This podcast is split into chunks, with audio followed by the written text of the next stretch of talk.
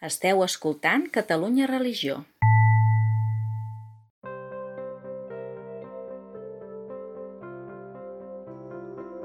Benvinguts a la tercera sessió del Club de Lectura en Fe de Llibres. Com sabeu, és un servei que oferim des de Catalunya Religió, el mitjà de comunicació digital que pretén posar a sobre l'actualitat del fet religiós a casa nostra.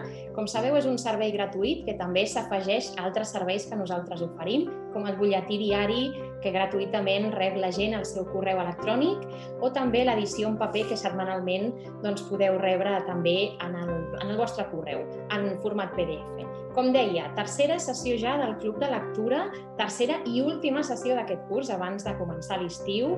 Donem la benvinguda, en aquest cas som tres persones connectades avui des de casa, des de la feina, que parlarem del llibre Fites, diari, dietari espiritual d'un home d'acció, de Doug Hammarskjöld, és suec, aquest nom costa una mica de dir, però eh, està coeditat per la Fundació Joan Maragall i Viena Edicions, i el primer que pregunto a les nostres participants, a la Felisa, a l'Anabel, qui vulgui s'arrenca, i és què us ha semblat, primer de tot, el format d'aquest llibre?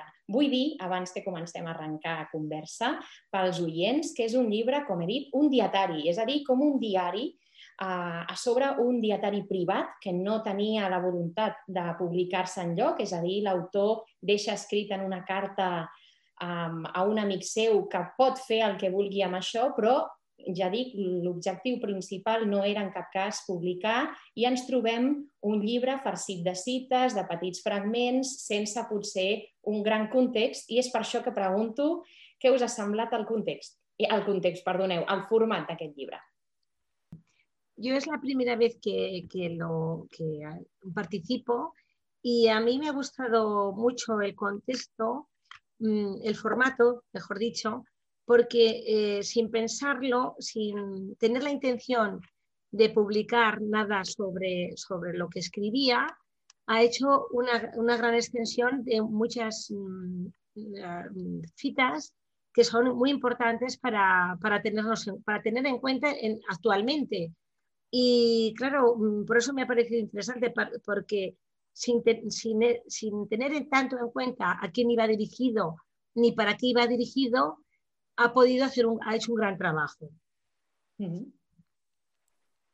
A veure, jo reconec que el llibre m'ha agradat, el format m'ha costat una mica, perquè, com deies tu, no té context. Està, està clar quan tens, perquè ell ja, ja ho explica, a la introducció ho expliquen, no? no? Ell era en el seu bloc de notes, bueno, jo també porto una vegada assessora, vaig escrivint, que ningú entendria, per tant, que anava agafant textos d'aquí, pensaments seus, en cada moment, en cada situació, i clar, ell no pensava publicar-ho, sembla ser. Per tant, quan es publica, és un gran tresor, realment és un gran tresor, perquè, com diu al principi, és la ressenya, un, un resseguir pam a pam la interioritat d'un home polític, que això no tenim sempre no, no tenim ocasió. La sort de poder-ho fer, l'ocasió de poder-ho fer, però hi ha algun moment que no tinc clar de què està parlant, i ho haig de reconèixer així. Hi ha alguns capítols que me'ls he marcat en gran perquè m'han encantat algun, algunes parts, perquè està dividit per anys, però mm n'hi ha algun que encara ara busco exactament què estava, ja ho reconec, què estava, en qui estava parlant o de què estava parlant. Mm. Posaré una mica en context, que és veritat que el llibre ens dona algunes pautes no, sobre la biografia d'aquest senyor, però si arriba a les nostres mans aquest dietari, doncs més enllà del títol, dietari, no sabem què ens esperarem. Uh, jo he de reconèixer també que ignorància màxima, aquest home em sonava però no el sabia ubicar massa. He de dir al, als oients que ens estiguin sentint que és, uh, és una persona, un polític, va ser doncs, reconegut en el seu país. De fet, uh, va recollir, el, bueno, va recollir no, va, va rebre el Premi Nobel de la Pau a títol pòstum. Hem de dir també que va ser secretari general de la ONU, un càrrec importantíssim, i aquest home va morir abans d'hora, podríem dir, en un accident estrany que encara avui dia no sé si podríem dir que està molt resolt, eh, en acte de servei, perquè anava doncs, al Congo belga en, en missió no? eh, com a secretari general de l'ONU. Aquest home mort, per això estem parlant de fa uns 60 anys, al setembre d'aquest any farà 60 anys de la seva mort, llavors hem de pensar en un dietari en aquell context. És cert, com deies, que aquest dietari doncs, està marcat per, per dates, et va marcant no, no tant com un dietari, un diari diari, sinó més a nivell d'anys, a nivell de fragments, però hem de dir que s'inicia aquest dietari el 1925, té una durada d'unes tres dècades amb un buit molt important de, que va des del 1931 fins al 1944. Jo he buscat molta informació perquè és cert que et deixa un regust de dir a eh, aquest senyor hem de conèixer la seva vida per entendre potser aquestes cites de les quals parlava l'Anabel, aquests fragments de què parla. I jo he vist que algú sempre diu que es va reprendre en aquest lapse de temps el 1945 i algú apunta una mica que potser coincidia amb el final de la Segona Guerra Mundial. I és, és important potser anar resseguint la seva biografia per això, veure aquests punts de connexió. Ara bé, no sé si podria aventurar-me a dir us heu quedat amb alguna cosa, tu deies, Anabel, algun capítol m'ha agradat molt, alguns altres no sabem de què ens parla, però ben bé, al final no deixa de ser com reflexions. A mi m'ha recordat com aquells tuits de Twitter quan uh, van, van obrir els 140 caràcters i ja no hi havia limitació, frases, no? reflexions. I, I frases que et poden parlar avui, perquè dius, sí, doncs té raó aquest home, no? Què devia pensar? Però no sé en quins capítols, en, quines, en quins conceptes us heu quedat. Jo, jo vaig haver de fer un salt perquè hi un capítol que em vaig atascar i no havia manera. Vaig passar al 1953, que segons jo, o segons el que he entès, perquè ja ho reconec, eh, parla molt de Déu i de la seva relació amb Déu. Mm -hmm. I a partir d'aquí surten paraules com la bondat, la pau, la senzillesa, la humilitat. I hi ha unes cites impressionants que, que aquí, amb el temps, jo crec que amb el tornaré a llegir en algun moment i d'aquí també trobaré les meves reflexions. Mm -hmm. Aquest capítol l'he trobat preciós i són tres, bueno, capítol, aquesta, aquest any, en realitat són quatre pàgines. Sí. Eh, I després, més endavant, parla de la pau. I mm, aquí és on també veus també per què li donen el Premi Nobel de la Pau, no? per, per mm. com ell definia l'absurditat de la violència i del matar. Mm. Es veu al llarg de tot el llibre, eh? però aquí, concretament aquí encara ressalta més aquest, aquests sentiments que tenia ell. Mm. I aquí, i aquí soc. A la introducció Eh, a veure, espera que... Que per cert està sí, feta sí, pel, pel sacerdot Miquel Calzina, sí, sí, ho direm des d'aquí. Una gran sí. introducció perquè ens posa en context total eh, de, de, qui sí. era aquest home. Per felicitar-lo, perquè si no, jo una vegada vaig llegir que, era, que havia estat president de les Nacions Unides i doncs jo vaig pensar ja, però no sé res més d'aquest senyor. Exacte. I la introducció ens el situa, home, hi ha clars oscurs, no?, perquè dedueixes que viu sol, que, està, que és so, una persona sola, però no, no, no concreta molt del tema personal, però la introducció et situa bastant. I hi ha un moment en què diu quines són les seves dimensions essencials de la seva missió, que és brutal. Deure, vocació, neutralitat i integritat personal. Japó, quina persona per, per fer-li una reverència i per anar de, de, del bracet d'aquesta persona, per haver-la, amb gust, amb gust haver-la conegut. Mm. Fèlix, tu, tu has dit um, que no, sovint no tenim aquesta oportunitat de llegir, potser, no? un dietari privat. Mm. Has tingut aquesta sensació d'estar de, entrant, potser, en els pensaments íntims d'aquest senyor? Sí, sí, sí, sí. Eh, eso es lo que, lo que me ha pasado, ¿no? Que mm, además me, mm, me, ha llamado mucho la atención porque en realidad él también hace política, ¿no? Y y yo acabo de dejar de trabajar en un ayuntamiento y está muy cerca de los políticos. Vaya. Bueno, mira, digo, mira, em, puedo encontrar algo de, algo de bueno, algo de, de, todo esto, puedo encontrar algo, algo de bueno. No sé si mm, algún político también hará estas citas y yo mm, no lo dé tanta importancia como le estoy dando a este señor, pero me ha gustado mucho por eso, porque en su intimidad mm, recoge muy bien el por qué hace las cosas i, i la grandesa de, de, de ese espíritu que tiene. Jo, si us sembla, um, com us dic, no coneixia massa el personatge, també havíem de fer el club de lectura, no? pensava potser hi ha coses que m'he perdut, doncs he anat apuntant les coses que ha dit la gent, que ha fet ressenyes dels llibres, que potser et dona un altre contrapunt, hi ha un punt que la gent he trobat que remarquen que diu que aquest home entén um, la vida, l'esperit, una mica des de la serenitat. No? El que compta per ell és l'estat d'esperit per afrontar la realitat. Que jo pensava, um, home, potser ho podem extrapolar a la nostra vida. No? Ja no dic, uh, després entrarem en el món polític, però que en el nostre dia a dia, quina importància doncs, té aquesta serenitat, aquest aturament, i també pensava, afegint això, com d'important és de vegades posar en escrit, en paper inclús, no? M'imaginava aquest moment íntim d'escriure en paraules allò que potser en essència tens en profunditat. És molt difícil, no tothom està capacitat per fer-ho.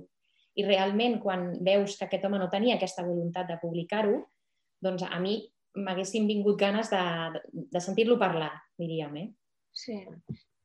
Es que es eso, el transmitirlo a través de la, de la escritura es, es difícil, pero también es muy bueno. Yo pienso que en, poniéndonos en la actualidad, que muchas veces no puedes hablar con las personas que tienes alrededor o no puedes expresar muchos sentimientos, el, el traducirlo en un papel eh, te ayuda mucho, te ayuda mucho. Incluso después, cuando lo lees al, al, después de unos meses, incluso de, de un año o dos, eh, te ayuda mucho a ver hasta también cómo, cómo te has, mmm, qué valor has dado a las cosas y qué, y qué sentimientos tenías en esos momentos y cómo has superado la, las cosas.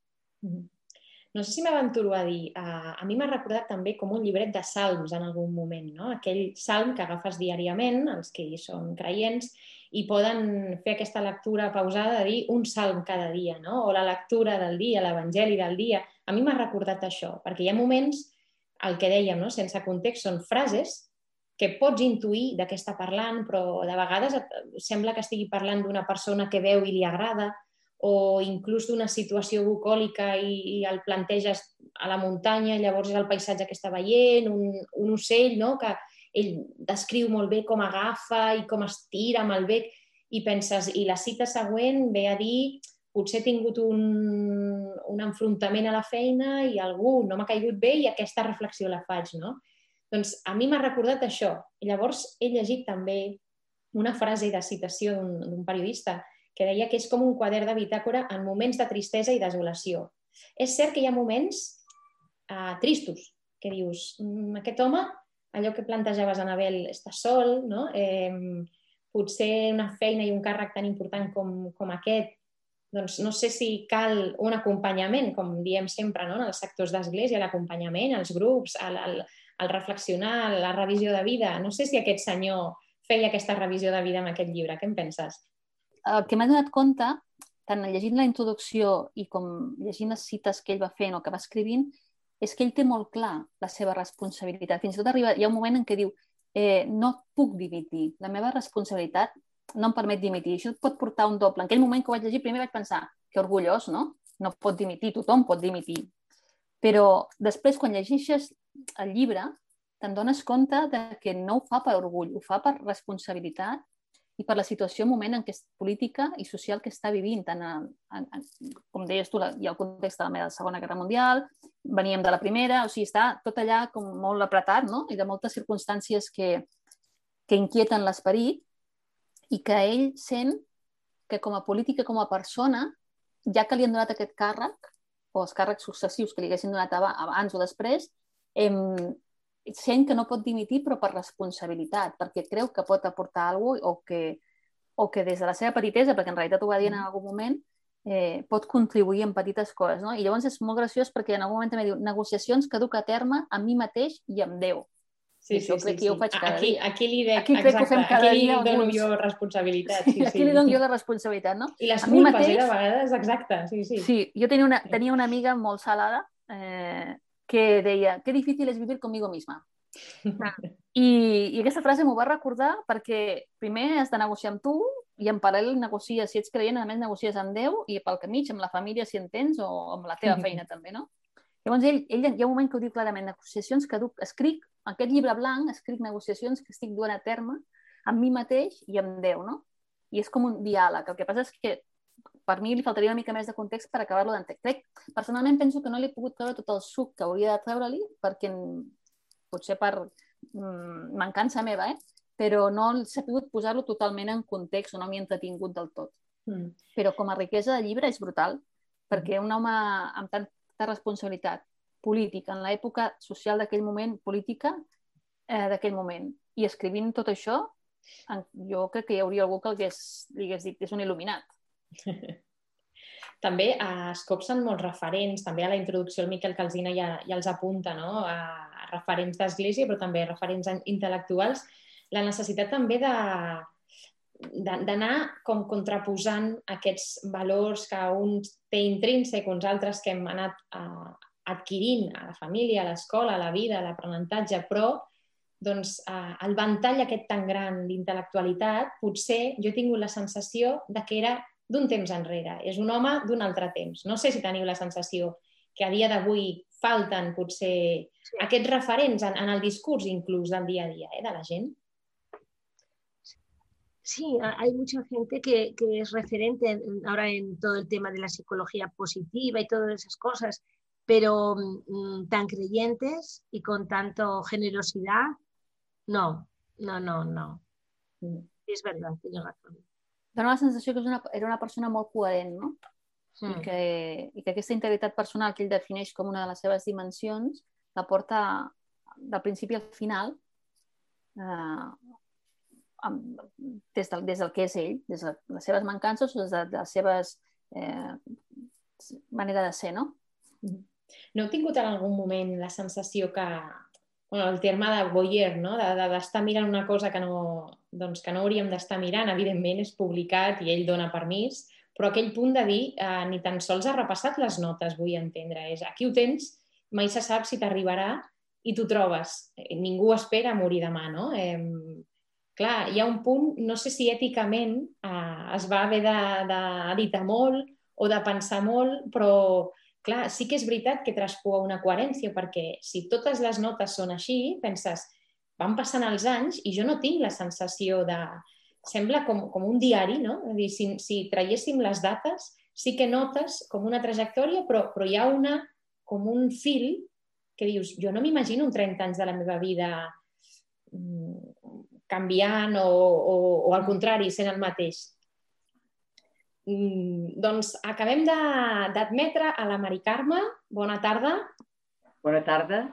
Així que ara en, et toca a tu, et, et tutejaré si m'ho permets, et toca a tu explicar-nos què t'ha semblat aquest llibre. Hem parlat del, del format, ens ha sorprès també un format de cites, però és un dietari, hem fet una mica de context del personatge, però ens agradarà saber doncs, quina és la teva percepció, així, ja que no ens has pogut sentir aquesta mitja hora, a veure si hem coincidit.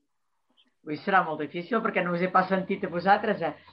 Jo m'ha costat força de llegir, perquè com que són pensaments tan particulars i tan concrets que m'imagino que s'han de situar en un moment que ell estava passant les vivències, per tant, a l'hora de seguir-lo m'ha costat una mica, no? Però mm, m'he anat subratllant mm, idees que penso que el tocaven molt de prop moltes situacions que anava visquent, llavors ell ho anava escrivint i repetint i suposo que li devia saber per, per, per situar-se una mica amb ell també, que a vegades ho fem tots això, no? d'escriure, de dir, ja, veure, per situar-nos una mica, no sé. Sí, sí, bueno, jo veig que coincidim una quatre, mica. Eh? Unes quantes pàgines per llegir, no gaire, les poesies últimes. Molt bé, molt bé, molt bé. És veritat, no? Però m'ha costat més si és com el de la Victòria Molins. Clar, és un altre veure. format, eh? Sí, sí, pels oients... A veure pels oients que ens escolten, el primer va ser el llibre de l'Arcadi Oliveres, uh, últim, Paraules d'Arcadi, era un assaig amb, amb un fil argumental de capítols, no? es llegia molt ràpid per temes capdals de la seva, de la seva trajectòria. El segon era una novel·la de ficció, doncs que, evidentment, doncs, com una bona narració tenia un inici, un desenvolupament, un final, que no desvetllarem aquí, per qui no se l'hagi no acabat de llegir, i aquest, evidentment, és un dietari que és més propi com d'un diari sense ser diari i sense context. Deia l'Anabel, Això. també la Felissa, no? aquestes reflexions profundes que ens poden parlar d'un home amb molta coherència, un home que era desconegut per nosaltres, hem hagut d'anar doncs, trampejant una mica la seva biografia, ja, ja ho sentirà, i ara, la última pregunta, diria, perquè hem parlat de la seva faceta també bueno, política, no deixa de ser el secretari general de la ONU. Jo eh, volia preguntar, no sé si pot servir aquest dietari com a referent per un polític d'avui, perquè evidentment no entraré a definir quin panorama polític tenim a casa nostra, però és cert que parlàvem no? dels referents intel·lectuals, d'una persona amb trajectòria, diàleg, amb, seren, amb serenor. No sé si pot servir avui com a, com a lectura obligatòria per un polític d'avui. Felisa, tu que has treballat a l'Ajuntament, eh, et llenço la pregunta. Sí, sí que podría servir. Lo que pasa es que mm, hay mm, políticos que ni siquiera estarían dispuestos a, leer una cosa de estas porque lo encontrarían pasado de moda. Lo que pasa es que sí que sería muy interesante que, lo leyeran porque seguro que les, mm, les aportaría muchas cosas. Yo también he ido, ya te he dicho que no he terminado todo, pero he ido, cuando iba leyendo me iba acordando de hechos que me han pasado en el trabajo con políticos y que, y que, pensaba, ves, pues esto, esto a este le vendría bien. Pero claro, está en la sencillez de la persona que acepte que, que, le, que le, vaya bien. y hoy día mm, no hay mucha, mucha sencillez. No. Però bueno. Bueno, i, i sobretot dèiem també no? la, la importància de tenir un sentit. L'Anabel deia a la introducció doncs queda molt clara, és molt potent, no? Quina, quina missió de vida tenia, missió de servir, estar al servei, una, una vida en què pesa més la responsabilitat de no dimitir, tot i que un pot dimitir, i continuar amb una feina perquè saps que és un servei als altres, doncs la importància també de tenir un sentit de vida, de veure una coherència durant 30 anys que dura aquest dietari i veure que el fil conductor d'una persona serena, d'una persona reflexiva, vull pensar, perquè ser capaç això, eh, de posar en paraules sentiments que et passen i sentiments tan breus no deu ser fàcil. Amb aquesta idea acabem aquest, aquesta tercera i última sessió d'aquest curs abans de l'estiu del Club de Lectura en Fe de Llibres. Ha estat un plaer compartir amb tots vosaltres, els que ens heu sentit a través del podcast, els que heu participat a través de les sessions eh, del Club de Lectura i espero retrobar-vos a la, al second round del Club de Lectura, que us anirem informant a través del nostre portal catalunyareligió.cat. Us informarem de les lectures, de, de les properes dates i del, del funcionament. Moltes gràcies. A vosaltres. Saps què m'ha agradat molt a mi? Haver-me d'obligar a llegir uns llibres. Jo l'Arcadi Llibres ja ho volia llegir, però aquesta obligació d'editar has de trobar, encara que no es vaig poder connectar, no em vaig saber però vaig escoltar el podcast cada dia us he escoltat i penso que, que, que és una manera d'anar-nos formant tots plegats, vull dir que és molt important això. I tant, i tant, i tant. Doncs moltíssimes gràcies. Gràcies a vosaltres. A vosaltres, bon estiu. Catalunya Religió.